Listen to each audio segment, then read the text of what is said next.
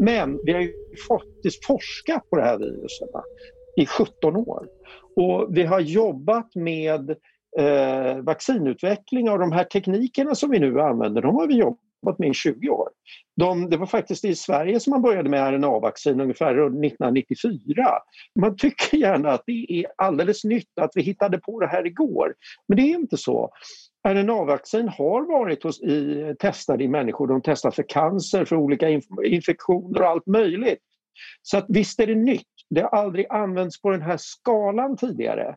Men det är ju så att det är tekniker som vi ganska väl... Eh, alltså vi, vi, vi har använt dem en hel del och de har varit i människor tidigare men det har inte varit godkända läkemedelsvaccin. Och om man tittar då på att eh, det, orsaken att man kunde komma igång så snabbt det var ju det att man hade forskat på sars och mers corona. Man hade tagit fram spikebaserade vaccin som byggde på RNA. Man eh, kunde direkt eh, använda det som liksom en blueprint och köra igång och forska då och utveckla för sars-cov-2. Så att två månader efter den genetiska koden var beskriven, då kunde man göra första studierna på människor. Det är ju bara det liksom satte liksom ett riktmärke för hur fort det här kommer att gå. Eh, och det, jag har aldrig varit med om att eh, det någonting har gått så fort tidigare.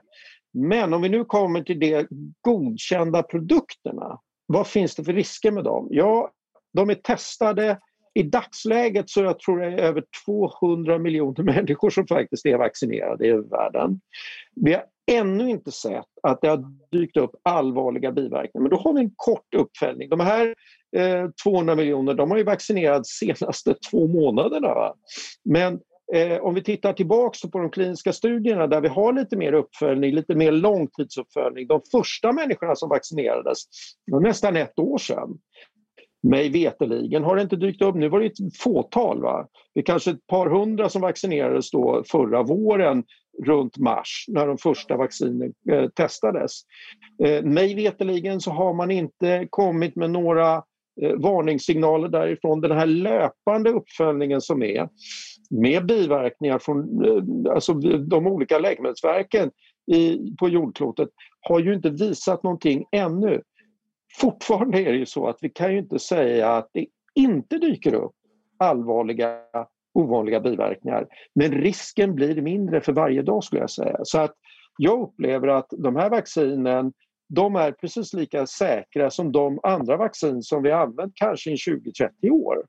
Eh, men man ska aldrig säga aldrig. Det är klart att det kan dyka upp någon väldigt ovanlig eh, biverkning men då gäller det att betona också att då är den väldigt ovanlig.